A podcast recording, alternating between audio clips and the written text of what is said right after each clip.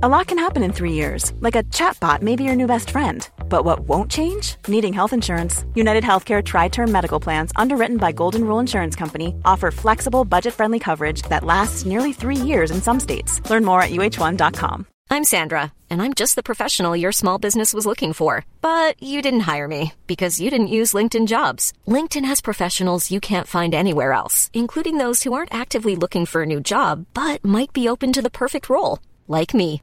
In a given month, over 70% of LinkedIn users don't visit other leading job sites. So if you're not looking on LinkedIn, you'll miss out on great candidates like Sandra. Start hiring professionals like a professional. Post your free job on linkedin.com/people today. Hey, it's Danny Pellegrino from Everything Iconic. Ready to upgrade your style game without blowing your budget? Check out Quince. They've got all the good stuff, shirts and polos, activewear and fine leather goods, all at 50 to 80% less than other high-end brands. And the best part? They're all about safe, ethical and responsible manufacturing. Get that luxury vibe without the luxury price tag. Hit up quince.com slash upgrade for free shipping and 365 day returns on your next order. That's quince.com slash upgrade. Palmemordet, Alf E. Del 3. Sveriges statsminister Olof Palme är död. 90 000. Ja, det är mord på Sveavägen. Hörde de säger att det är Palme som är skjuten. Mordvapnet med säkerhet är en Smith Wesson, en revolver kaliber .357. Inte ett svar. Finns inte ett svar. För jag har Polisen söker en man i 35 till 40-årsåldern med mörkt hår och lång mörk rock. År 2000 gifter sig J.O.P. med bankdirektören Lars-Erik Thunholm och är gift med honom fram till 2006 när han avlider. Jag har hört intressanta saker om det där att en av de här kvinnorna som dök upp och pratade med Ragnar Bjurfors som vi nämnde i förra avsnittet i Portugal var Lars-Erik Thunholms hustru. Så att när Gio lämnade Alf så blev hon alltså tillsammans med bankdirektören då som också hade lämnat sin hustru då. Så att fyra Palmehatare blev två. Nu ska vi fram till 2001. Jag har redan nämnt händelsen i förra avsnittet då. Att Alf E. Eh, ja, drog kniv. Aftonbladet skriver om den här händelsen i en artikel från den 29 november 2003. Artikeln har rubriken Han gav Palmehatet ett ansikte. Alf E blev känd för sin annonskampanj. Alf E blev rikskänd för sina hatkampanjer mot Olof Palme och han dömdes till fängelse för att ha hotat advokaten Einar Karlman med kniv. Jag var säker på att jag skulle dö, säger Karlman. Lite längre ner i artikeln J.O.P. som hade ett förhållande med Alf i 27 år säger idag Alf blev som förbytt efter mordet på Olof Palme. Han drabbades av förföljelsemani och han trodde att myndigheterna var efter honom. Paret köpte 1972 en herrgård i Sölje i Värmland. De bodde där och i våningen i centrala Stockholm.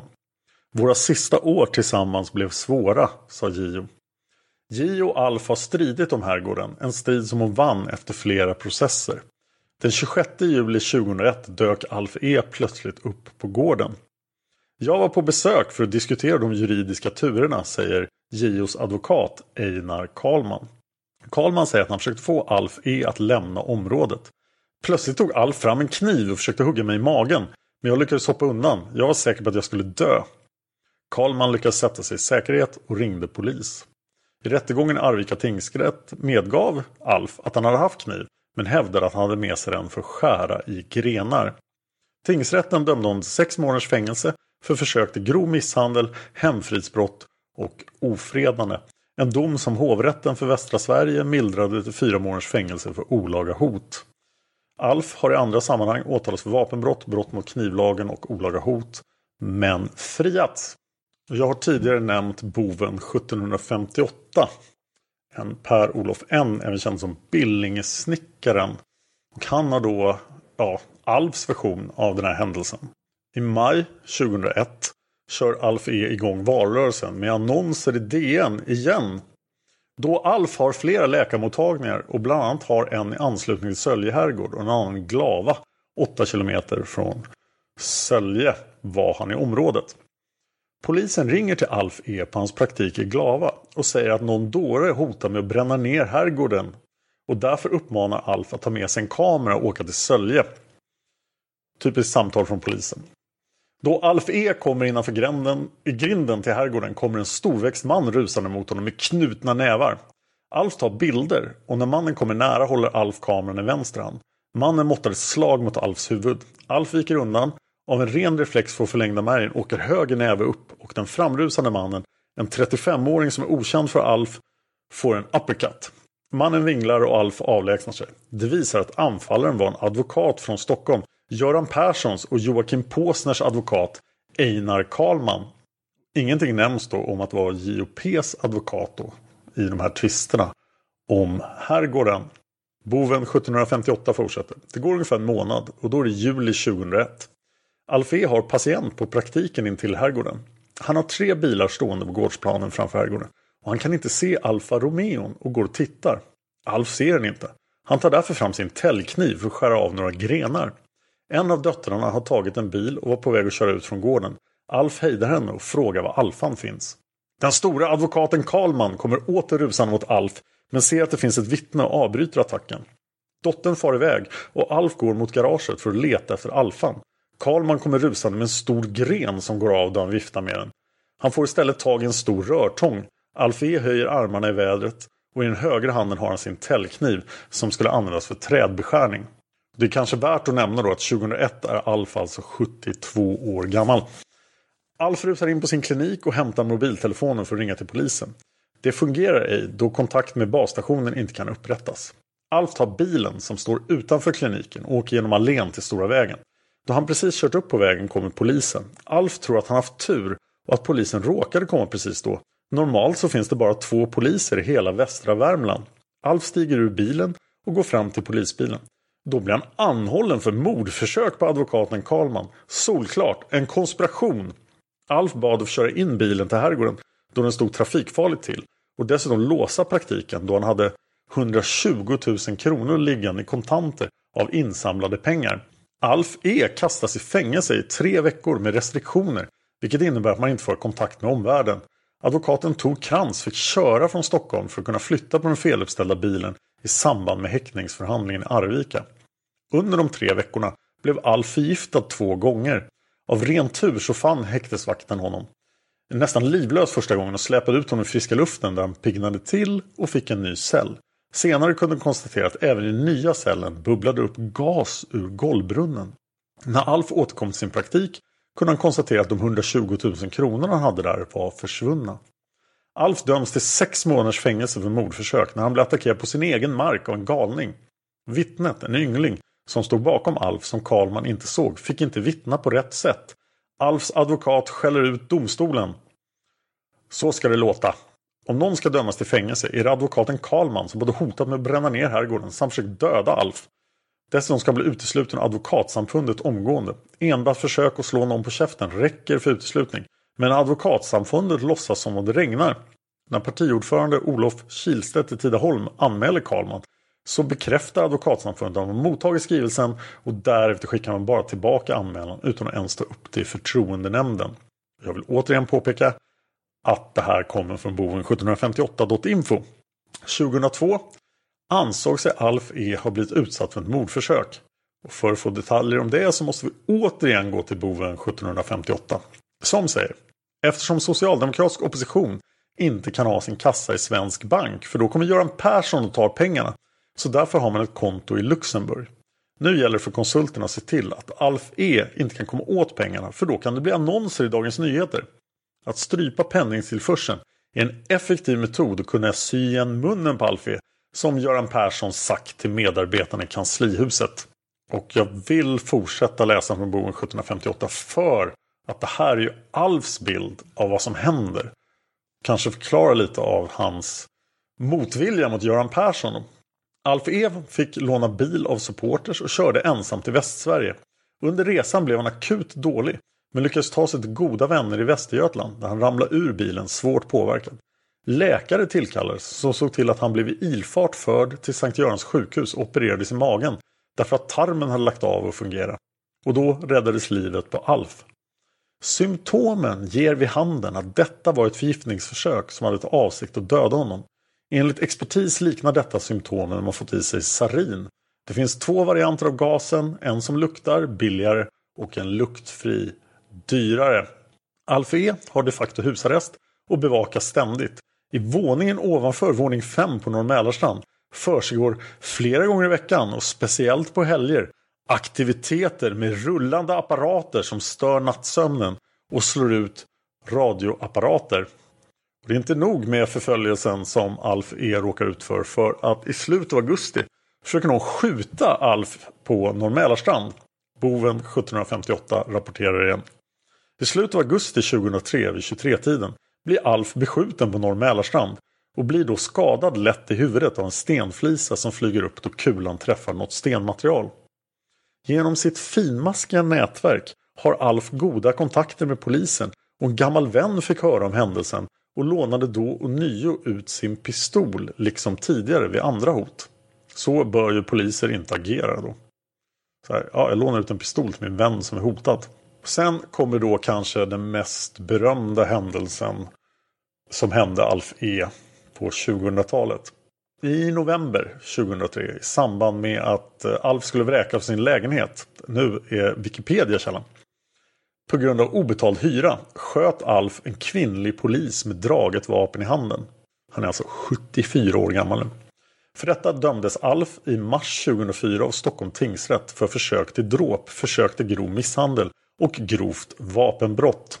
Alf hävdade till sitt försvar att han hade utsatts för en politisk komplott av den socialdemokratiska makteliten med dåvarande statsminister Göran Persson i spetsen.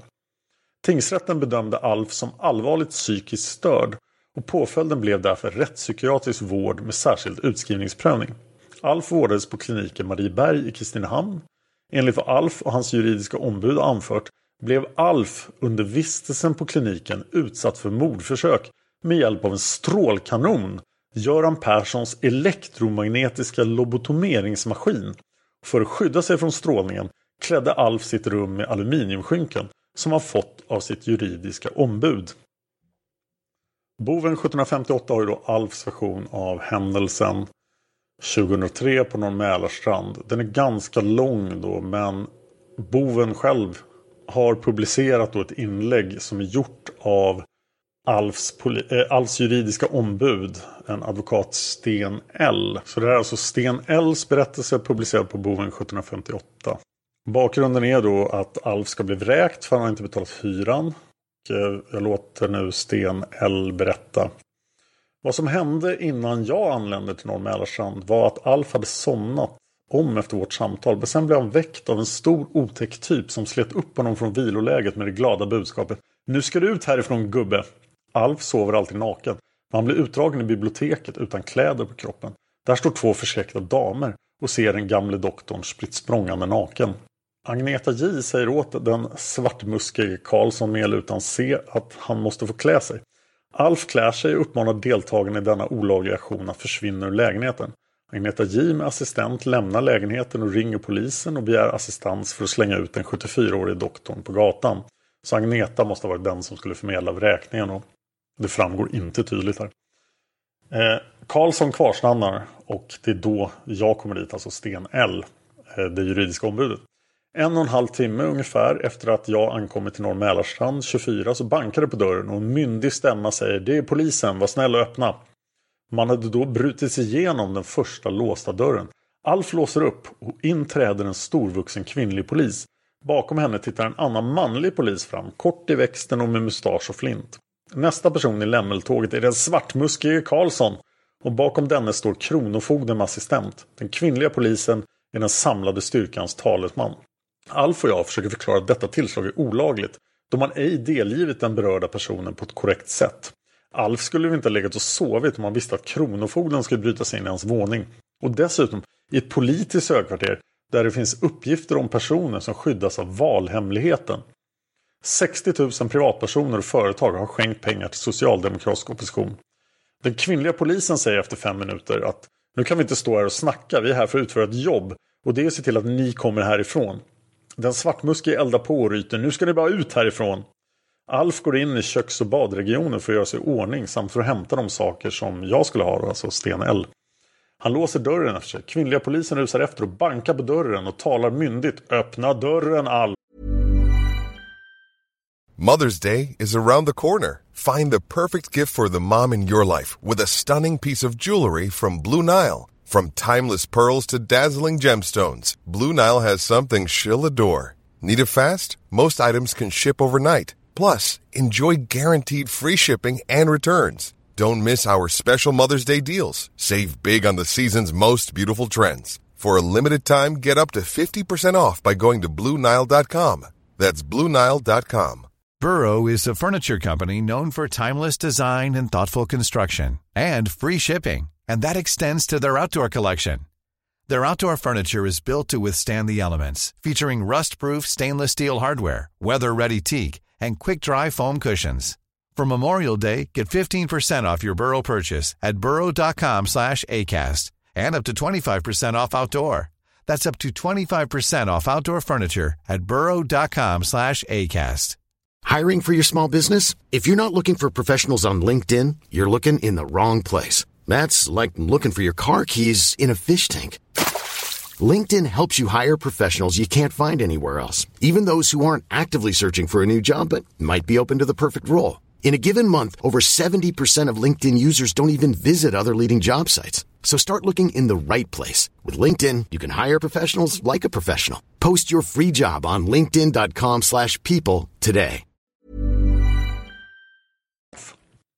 Sten L förklarar för den kvinnliga polisen att med alla övergrepp som gjorts mot honom själv och hans familj så är Alfs största fasa att bli ensam med någon eller några som kan döda honom. Hans enda säkerhet är att någon av hans supportrar finns nära honom. Och just nu var det jag, alltså Sten L. Han har inte efter skottet, alltså det här mordförsöket då i augusti 2003, vågat sig ut ensam utan jag har hämtat honom när någonting ska uträttas på stan. Och då har vi gjort det gemensamt. Det dummaste du kan göra är att köra ut mig härifrån utan Alf, säger Sten L. Försvinn härifrån, säger hon till mig. Jag vill inte bjuda på motsäg henne utan jag går ut genom våningen. Polisen är i släptåg och skriker Alf, nu går Sten! Jag stannar utanför hissen där jag försöker ringa på mobilen. Tyvärr var mottagningen mycket dålig. Så jag gick ner några steg i trappan och där finns några fönster och där gick det bättre att ringa. Och efter ett par minuter hör jag pang, pang, pang! Upprörda röster som skriker han skjuter! Och efter ytterligare två minuter hör jag pang, pang, pang, pang! Jag talar vidare i telefonen tills jag är färdig. Och sen blir jag utkörd ur husen av, huset av poliser. Utanför på gatan står tio polisbilar och man stänger av gatan. En som jag uppfattar är civilklädd polis kontaktar mig och ber mig stanna kvar i närheten. Efter en kvart utan att någon tagit notis om mig så går jag ner på kajen och betraktar skådespelet på behörigt avstånd. Jag närmar mig entrédörren från kajen och från andra sidan ser jag Agnita J samtala med en polis. Jag retirerar ut mot kajen igen och talar med en pressfotograf. Under samtalet kommer två poliser mot mig och frågar om jag var med uppe i lägenheten när helvetet bröt lös. Ja, sa jag. Jag är god vän med Alf E. Då tar de mig under armarna så att jag lyfter från backen och i princip släpper de bort mig till en polisbil. Massmedia reagerar direkt och kamerorna smattrar. Bilen tar mig till Söder och in på Maria polisstation. Där sitter jag i flera timmar och glor i ett kontorsrum under övervakning. Efter fyra timmar kommer en polisman och sätter sig och pratar om ditt och datt och händelsen. Framåt sju på fredagskvällen får jag lov att ringa hem och tala om vad jag är och därefter kommer en ung kvinna som är förhörsledare och jag berättar. Klockan 21 så får jag lämna polisstationen och åka hem till en kall middag. Men vad var det egentligen som hände då? Då jag lämnat lägenheten så gick en svartmuske till attack genom den dörr som leder från entréovalen in till kök och badrum. Han trycker in glasrutan då han inte kunde komma in genom andra dörrvredet. Alf E hade skruvat igen dörren då vredets fjäder hade gått sönder. Då kvinnliga polisen hade skrikit att nu går sten, det vill säga att Alfs enda trygghet för ögonblicket hade försvunnit. Och här försöker någon med våld bryta sig in. Med bakgrund av ovan beskrivna övergrepp av svenska staten så vädrar Alf E dödsångest. Han berättade för mig långt innan att det han fruktade mest var att ensam bli inträngd i ett hörn i sin egen lägenhet. Genom sin försåtliga anordnade ordning i lägenheten så kan han avläsa om någon varit inne i lägenheten. Folk har tidigare varit inne utan att inbrottsmärken har kunnat upptäckas. Men saker har försvunnit. Det är mörkt inne i köksavdelningen och i glasdörren ses en stor skugga. Då svagt ljus tränger in från vardagsrummet som vetter mot Mälaren. När Alf uppfattar att någon är ute efter att döda honom får han panik och tar fram den pistol som hans supporter i poliskåren har lånat ut till honom. Alf skjuter mot dörrkarmen för att skrämma bort inkräktaren som han inte vet vem det är. Vem är det som tar till sådana våldsamheter? Det kan ju vara en lejd mördare som är Anna Lind-fallet. Det blir alldeles tyst i lägenheten efter att folk har skrikit han skjuter. Alf kikar ut genom krossade dörren och hojtar är det någon där? Inget svar och plötsligt dyker upp en siluett med en pistol i handen. Alf, som fått sin stridspilotutbildning i flygvapnet med självförsvarsteknik och pistolskytte som en viktig ingrediens. Alf skjuter mot pistolen i samma ögonblick som pistolinnehavaren som var omöjlig att identifiera i motljuset skjuter två skott mot Alf och missar. Hon blev skadad i lillfingret som höll i pistolen. Båda överlevde. Den kvinnliga polisen hade inte hört de två tidigare skotten säger hon. Bara hört de som försökt bryta sig in genom glasdörren med kofoten som hennes kollega skulle hämta. Det visar sig att det är den kvinnliga polisen som smög omkring med draget tjänstevapen utan att klart och tydligt tala om att hon var polis. Inkompetent, amatörmässigt, tjänstefel. Alf skulle aldrig i sitt liv skjuta mot en polis, lika lite som att skjuta mot någon människa överhuvudtaget. Om man känner Alf så vet man att hans omtanke om andra människor är mycket unik. Han har haft 136 000 patienter och har en väldig empati. Och gör sitt yttersta för att de ska bli friska. Expressen skriver om den här händelsen den 27 januari 2004. Och där finns även en bild från Alf E's lägenhet där det inte ser ut att vara särskilt mycket ordning. Det ligger saker överallt. Det ser ut som i ett sånt där program på tv om hoarding. Det sitter även en löpsedel från Expressen på väggen i Alfs lägenhet där det står Avgå Palme. Expressen skriver Palmehataren och läkaren Alf E, 74 år, hävdar att statsministern Göran Persson har beordrat att han ska likvideras. Och det är förklaringen till att han försökte skjuta ihjäl flera poliser. Det var ju självförsvar, påstår Alf E i förhör. Fredagen den 28 november 2003 skulle Alf E avhysas på sin 240 kvadratmeter stora våning på Norr Mälarstrand i Stockholm. En polispatrull fanns på plats för att hjälpa till. När låsmeden öppnat dörren möttes tjänstemännen av en fruktansvärd syn. Paradvåningen var belamrad med sopor och tidningar. På väggarna satt löpsedlar som handlade om bland annat Olof Palme, Jan Stenbeck och Anna Lind. Iklädd kastrull på huvudet tog Alf E emot iförd också en skjorta. Plötsligt öppnade han eld med en pistol. En kvinnlig polis träffades i armen. Ytterligare tre poliser var nära att träffas av andra skott. Nu har Palmehataren åtalats för försök till mord och grovt vapenbrott. En detalj som jag tycker är intressant är alltså Alf lyckas, 74 år gammal, skjuta en kvinnlig polis i armen. Innan hon lyckas skjuta honom. Alf blev alltså dömd till rättspsykiatrisk vård med särskild utskrivningsprövning och de domarna ledde då 2005 till att Hälso och sjukvårdsnämndens ansvarsnämnd fråntog Alf hans läkarlegitimation. Alf var utskriven under perioder sedan 2008 och eh, mot slutet av sin tid bodde Alf delvis på stödboende för äldre personer med psykisk sjukdom. Den 26 februari 2014 intervjuade Svenska Dagbladet JOP.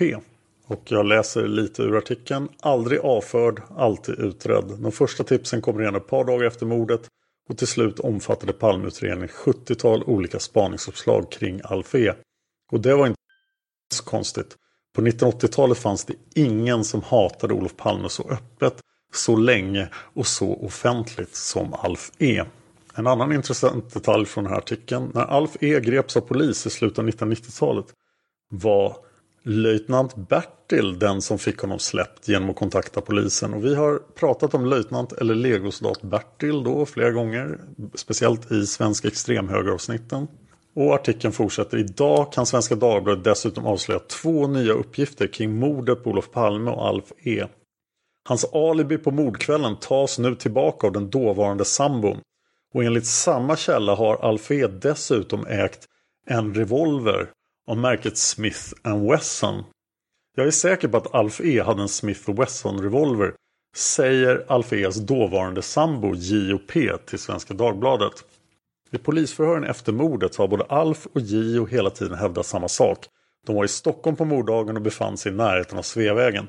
Men det var tidigare på kvällen, flera timmar före mordet. Tillsammans åt paret middag på en restaurang men lämnade krogen tidigt och kom tillbaka till sin lägenhet på Norr Mälarstrand redan på förkvällen. De gick och la sig mellan 23 och 23.30 och tidigt på morgonen fick Alf E beskedet om mordet via en väninna. Polisen är mycket nöjd med mitt alibi, sa Alf E 1987 efter att han hörts ett flertal gånger. Men nu tar J och P tillbaka dessa uppgifter. Tvärt vad hon tidigare sagt hävdar hon idag att Alf E inte var hemma hela mordkvällen. Jag gick och la mig tidigt någon gång efter klockan 21. Jag tittade på Aktuellt. Men Alf försvann ut och sa att han skulle lägga på parkeringspengar. Jag tyckte det var konstigt eftersom det var gratis parkering fredag kväll och över helgen och sen kom han tillbaka sent. Svenska Dagbladets reporter frågar varför berättar du det här först nu? Och Gio svarar Jag vågade inte tidigare. Jag var rädd för Alf. Han var våldsam. Och ni är de första som har frågat om det här på mycket länge. Reporten frågar Tror du själv att Alf sköt Palme? Gio svarar Jag vet inte, men den tanken har slagit mig många gånger. Vice riksåklagare Kerstin Skarp är förundersökningsledare i Palmeutredningen då, 2014. Hon vill inte kommentera enskilda spår men säger så här om revolven Alibit. Om det visar sig att en uppgift stämt under lång tid och sen plötsligt inte stämmer så kan frågan komma i ett annat läge. Kommer det fram nya uppgifter är det intressant för utredningen, absolut. Rent allmänt kan jag säga så här. Ett förändrat alibi kan vara intressant beroende på omständigheterna i övrigt. Det kan också vara så att den har väldigt liten betydelse. Vapen är vi alltid intresserade av, säger Kerstin Skarp. Ja, hela det långa uttalandet sa i princip ingenting. Artikeln fortsätter. 1998 kontaktade JO självmant polisen och ändrade sin tidigare uppgift till att Alf inte var hemma på mordnatten. Enligt vad Svenska Dagbladet erfarar så har dock de uppgifterna inte kontrollerats vidare. Detsamma gäller uppgiften om Alfs revolver. Vid Palmemordet hade Alf licens för fyra vapen men samtliga var gevär. Jag kan inte säga varför dessa uppgifter inte har utretts närmare, säger en källa i Palmeutredningen. Alf E dömdes 2004 till rättspsykiatrisk vård för dråpförsök efter att ha skjutit en kvinnlig polis. Läkarlegitimationen drogs in efter det att han skrivit ut medicin till medpatienter. Alf är idag, då 2014, 83 år gammal. För Svenska Dagbladet erkänner Alf att han har haft en revolver ända sedan sin tid som flygare och hela vägen fram till början av 2000-talet. Vapnet, säger han, fick han av en officer och han befann sig på Sveavägen under mordkvällen. Men Alf kommenterar det som Gio säger om mig nu stämmer inte. Hon kan väl ha tagit tillbaka men det är vad hon sagt tidigare som är sant. Jag gick aldrig ensam. Varpå Svenska Dagbladets reporter frågar Alf Sköt du Olof Palme? Alf svarar absolut inte. Jag är inte inblandad. Jag förlorade mycket pengar när Olof Palme mördades. Eh, och med det menar han då att förstås han fick ju jättelite bidrag från Palmemotståndare efter att Palme hade mördats för då fanns det ingenting att göra bidrag till. Svenska Dagbladet berättar också att eh, dåvarande spaningsledare Hans Ölvebro uttalade sig 1994 om Alf. Och Hans Ölvebro sa jag tror inte Alf E ligger bakom mordet på Olof Palme. Däremot kan hans annonskampanjer ha påverkat någon människa i eller utanför hans krets att organisera eller utföra det här brottet. Det finns även en artikel från Aftonbladet den 26 februari 2014 som har i princip samma innehåll. Men där finns en ytterligare kommentar av Kerstin Skarp med att Alf har förekommit i utredningen, vi har inte jobbat med honom på länge. Och sen säger även polisprofessorn Leif GW Persson att det är klart att Alf och Gio borde förhöras på nytt. Har han haft en revolver och saknar ett alibi, då blir det naturligtvis intressant. Så länge som Alf lever finns det en poäng att hålla ett ordentligt förhör med honom. Men det hände så vitt jag förstår inte innan Alf dog. Kommer ni ihåg David F som jag nämnde i förra avsnittet? Jag tänker onekligen på honom när vi kommer fram till den här artikeln som är från den 3 mars 2014. Den är otroligt kortfattad och eh, står på Omni men refererar till Svenska Dagbladet så jag kommer läsa artikeln i dess eh, helhet. 51-årig man, ny, nya spåret i jakten på Palmes mördare. Svenska Dagbladet lyfter nu fram en 51-årig man som ett av polisens spår i jakten på Palmes mördare. Polisen ska tidigare ha velat avlyssna den 51-årige mannen som beskrivs som Palmehatare men åklagaren sa nej. Mannen var också en del av Alf E's närmsta krets. Den 11 oktober 2015 intervjuas Alf och Gios son Johan P i Expressen.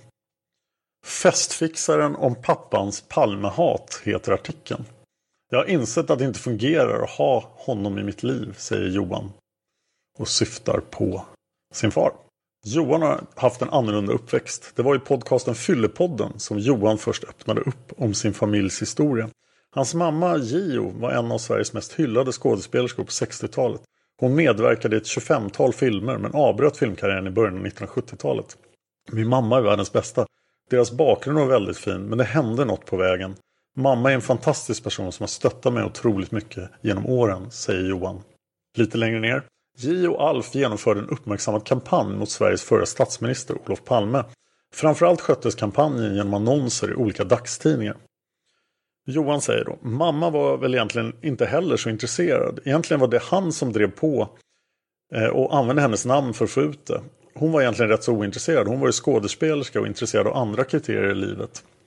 Och Johan säger vidare, jag var så liten och de hade en kampanj om Palmes politik. Jag var rätt ointresserad redan då kring vad som sades och gjordes. Jag har egentligen alltid varit det, men pappa blev manisk kring det. Han var ju läkare och stridspilot och en väldigt intelligent person. Jag tror att det helt enkelt slog över på olika sätt för honom. Lite längre ner i artikeln fortsätter Johan. Jag har inte haft kontakt med honom sedan de skildes. Jag har väl träffat honom sporadiskt för att känna att jag ger honom en chans. Men jag har insett att det inte fungerar att ha honom i mitt liv. 2003 sköt Alf en kvinnlig polis när han skulle avvisas från sin lägenhet efter att inte ha betalt hyran. Johan berättar, då bodde jag i Köpenhamn. Jag var liksom inte i närheten. Och det är olyckligt att han inte har förstått hur en vanlig människa ska leva. Vilket han inte gjorde eller gör. Han har ett tankesätt som gör det svårt för honom att leva ett vanligt liv. Artikeln avslutas med tidigare har Johan varit fåordig om relationen till sin far. Jag har inte dolt det, däremot så har jag kanske inte pratat om det. Jag har blivit äldre och byggt min egen verksamhet. Jag tror att jag först ville göra bra saker innan omvärlden fick reda på historien. Idag har jag inga problem att prata om det. Och sen vill jag inte ha något med honom att göra eftersom han är så psykiskt instabil. Alf E avled den 4 januari 2017. Efter hans död publicerade whitetv.se en artikel den 2 februari 2017. Alf E's begravning 3 februari 2017, Sollentuna kyrka. Han borde ha följt Erlander istället för Palme. Ja, Tage Erlander hade avlat fram två påläggskalvar, Olof Palme och läkaren Alf E. Båda var extremt begåvade, men Palme var adlig och Alf inte.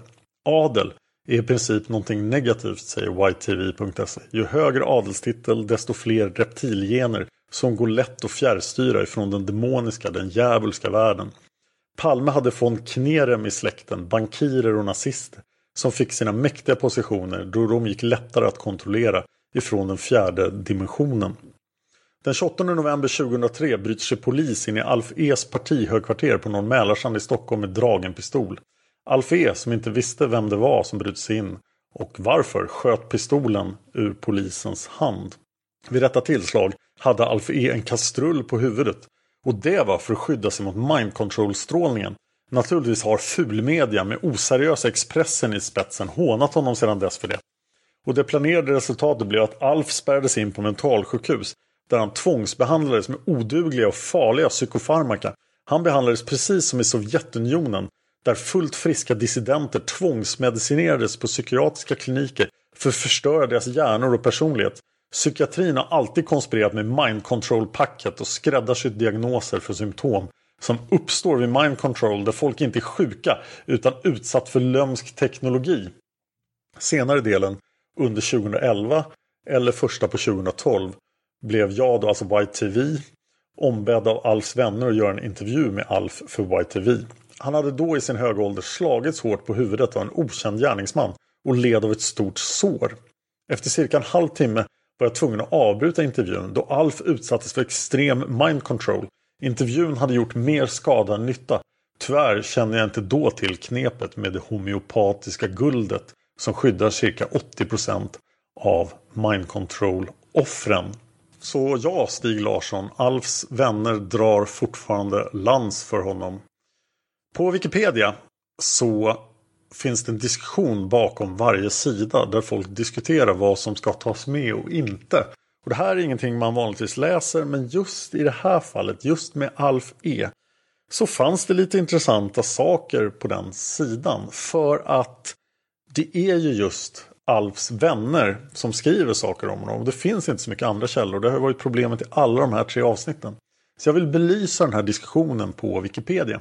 Någon säger då, jag tog bort länken Boven 1758 då den inte verkar vara särskilt seriös. Jag skummade också igenom Alfs egen hemsida och fann där en del text som kan användas som referenser i den löpande texten om någon har orkan till det. Sen kommer någon annan och säger, denna artikel skulle verkligen behöva fler seriösa källor. Att hitta något på internet verkar uteslutet. Då en googling mest verkar ge träffar som hävdar att Alf är utsatt för en socialdemokratisk komplott iscensatt av antikrist Olof Palme. Artikeln borde försöka hålla en lite högre nivå än sån gammal EOP-propaganda. Vad finns det egentligen för tillförlitliga källor angående Alf? Granskningskommissionens betänkande är möjligtvis en början, men det är knappast tillräckligt. En annan säger Jag har börjat ett försök att ordna upp den här artikeln med hjälp av någon fåtal källor jag lyckas hitta. Det kanske inte är så förvånande, de flesta av dessa källor behandlar mordet på statsminister Olof Palme eftersom Alf såg som intressant i den utredningen. Annars är det fortfarande svårt att hitta källor. Boken som Alf och Gio gav ut 1977 är även den intresserad för den intresserade. Bland annat som ett dokument över Alfs smått paranoida världsbild. Någon annan, Gythny till och med, säger Även om artikeln städats så tar obelagda och oemotsagda konspirationstexter allt för mycket plats. Sen är det någon som undrar om han verkligen var gift med Gio eller inte. För i den här artikeln står det att han var gift med Gio men i hennes artikel står det att de var sambos. Vad är rätt och vad är fel? Och min slutsats är att de var sambos och aldrig var gifta. Jag hade turen att prata om Alf medan jag gjorde research för de här avsnitten med en bekant. Jag har en alldeles egen källa här. Och min källa som vill vara anonym det är alltså människor jag träffat ett antal gånger men ingen som jag känner jättenära. Eh, min källa säger Jag har träffat Alf några gånger och jag känner lite folk runt honom. Han brukade hänga på Max på Vasagatan och Centralen för ett par år sedan. Det här är då från i år, 2017. Alf är ganska gammal nu. Narcissistiskt eller och arrogant medveten om sina kort. Information och kunskap kring honom är väldigt intressant. Han kan mycket väl ha direkt eller indirekt inblandning i mordet på Olof Palme eller info om detta. Det finns kopplingar till EAP kontra storfinansen samt till löjtnant Bertil. Alf och allt runt honom bör granskas och utredas ordentligt. Jag tror säkert att Alf och Jerry Martinger stötte på varandra några gånger. Men i olika sammanhang, men inte mer så, mer så vad jag vet. Och jag frågade specifikt just om Jerry Martinger vi kommer komma tillbaka till Jerry Martinger i ett senare avsnitt. Alf-caset är ett helt band i sig självt. Han hade koppling till EOP men framförallt drev han en öppen politisk egen kampanj utan EOP mot främst Palme. En kampanj som hade stort ekonomiskt stöd alltifrån Astrid Lindgren till näringsliv med anonyma donationer. Min bild är att Alf hade ekonomiskt stöd under lång tid. Han tog upp och visade och satt och fladdrade med en tjock bunt 500-lappar en gång när vi satt ner på Max. Jag tog mig tid och tog det lugnt. Jag fick klart för mig att Alf ville visa upp dem för mig i klart syfte att han hade någon form av backup. Som en positionering, men på ett rakt sätt. Lite intressant. Jag har träffat Alf flera gånger. Han var inte alls enbart en tokdåre eller rättshaverist. Och det är det som det gäller att bringa klarhet i. På vilka grunder blev han intagen och så vidare. Det gäller att granska hela historien och bringa klarhet. Och jag frågade min anonyma källa då om Astrid Lindgren verkligen hade skänkt pengar. Då svarade min källa, ja om Astrid Lindgren verkligen stödde honom eller inte bör utredas och i vilken grad. Det kan finnas grund att hon var intresserad till en början på grund av hennes motstånd mot Palme och sossarna. Bland annat på grund av Pomperipossa-skatten. Men att hon sedan aldrig genomförde betalningen, transaktionen. Sten Ls eventuella stöd ger, har gett Alf positiv PR, auktoritet och immunitet. Here's a cool fact. A crocodile can't stick out its tongue. Another cool fact you can get short term health insurance for a month or just under a year in some states. United Healthcare short term insurance plans are designed for people who are between jobs, coming off their parents' plan, or turning a side hustle into a full time gig. Underwritten by Golden Rule Insurance Company, they offer flexible, budget friendly coverage with access to a nationwide network of doctors and hospitals. Get more cool facts about United Healthcare short term plans at uh1.com. Here's a cool fact a crocodile can't stick out its tongue. Another cool fact you can get short term health insurance for a month or just under a year in some states. United Healthcare short term insurance plans are designed for people who are between jobs, coming off their parents' plan, or turning a side hustle into a full time gig. Underwritten by Golden Rule Insurance Company, they offer flexible, budget friendly coverage with access to a nationwide network of doctors and hospitals. Get more cool facts about United Healthcare short term plans at uh1.com. Planning for your next trip? Elevate your travel style with Quince. Quince has all the jet setting essentials you'll want for your next getaway, like European linen, premium luggage options, buttery soft Italian leather bags, and so much more. And is all priced at 50 to 80% less than similar brands. Plus, Quince only works with factories that use safe and ethical manufacturing practices. Pack your bags with high-quality essentials you'll be wearing for vacations to come with Quince. Go to quince.com slash pack for free shipping and 365-day returns.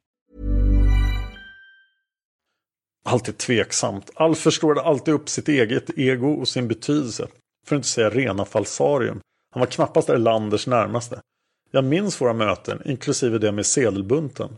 Och jag minns ett annat möte då Alf uttryckte sig på Max. Det är tack vare mig Palme kom till makten och blev så stor. Och min källa frågade Jaha, och var det också du som höll i vapnet när han sköts då eller? Men Alf var tyst. Och min källa frågade Eller var du inblandad? Eller vet du vilka som kan ha utfört attentatet? Men Alf svarade inte. Min källa fortsätter Jag jobbade på honom en hel del men det var svårt av flera anledningar.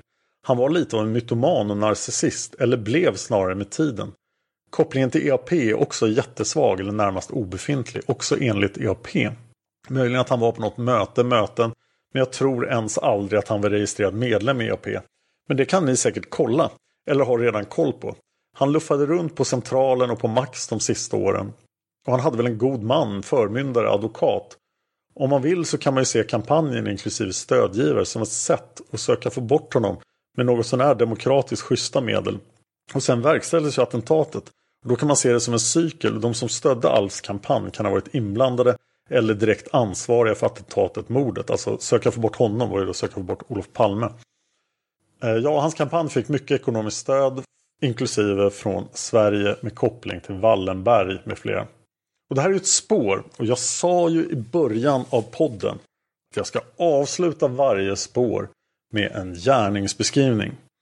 Och jag har funderat på det här om Alf skulle kunna vara gärningsman. Alf är alltså 58 år gammal.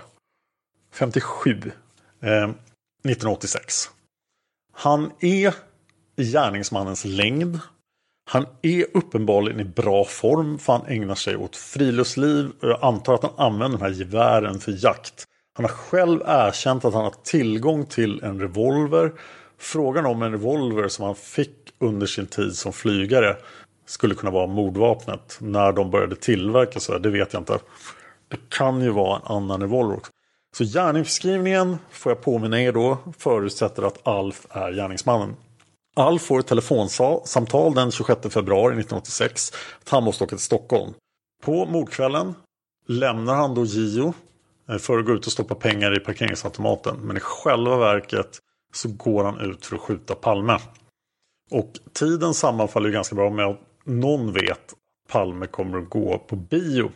Och här är det då möjligt att David F är gärningsmannen och istället för Alf. Men David F var ju 51 när artikeln om honom publicerades. Så han är ju väsentligt yngre än gärningsmannen. Och Alf är lite för gammal. Men som sagt, Alf har motiv. Han har inget alibi. Han har han är i närheten, på Norr Mälarstrand i alla fall erkänner han ju. Och han har ett lämpligt vapen. Så att Alf eller David väntar utanför bion. Följer efter. Alternativt är de flera som har samband. Kanske med walkie-talkies. Och någon i kretsen skjuter Palme i hörnet Sveavägen Tunnelgatan. Jag tycker att det här spåret förtjänar mer uppmärksamhet. För att här har vi ju alla komponenter. Det är många spår där vi inte har det. Men det är förstås som vanligt inte jag som ska avgöra det här utan det är frågan vad ni tror. Tror ni att det är möjligt att Alf eller någon i hans närmsta krets, till exempel David F, skulle kunna vara mannen som sköt Olof Palme? Om ni lyssnar på Palmemordet på en Apple-plattform så vill jag gärna att ni lämnar iTunes-recensioner och jag kommer att fortsätta läsa upp alla iTunes-recensioner i podden. Om ni tycker den här podden är jättebra så är jag beroende av era donationer för att kunna hålla igång. Jag jobbar ju enbart med att göra poddar och YouTube-saker då och Palmemordet är en av de större. Vill ni donera pengar till avsnitten så kan ni göra det på patreon.com palmemordet. Då kommer jag tacka er i podden. Eh, om ni skriver Patreon, Patreon. Eh, ibland försöker jag arrangera speciella händelser som då Palmevandringen vi hade den 28 februari 2017 för sponsorerna på Patreon. Patreon är ett gränssnitt för att kommunicera med sponsorerna också. Det är väldigt användbart. Man hittar Palmes mördare om man följer PKK-spåret till botten. För att ända sedan Julius Caesars tid har jag aldrig hört talas om ett mord på en framstående politiker som inte haft politiska skäl. Polisens och åklagarens teori var att han ensam hade skjutit Olof Palme. Och det ledde också till rättegång. Men han frikändes i hovrätten.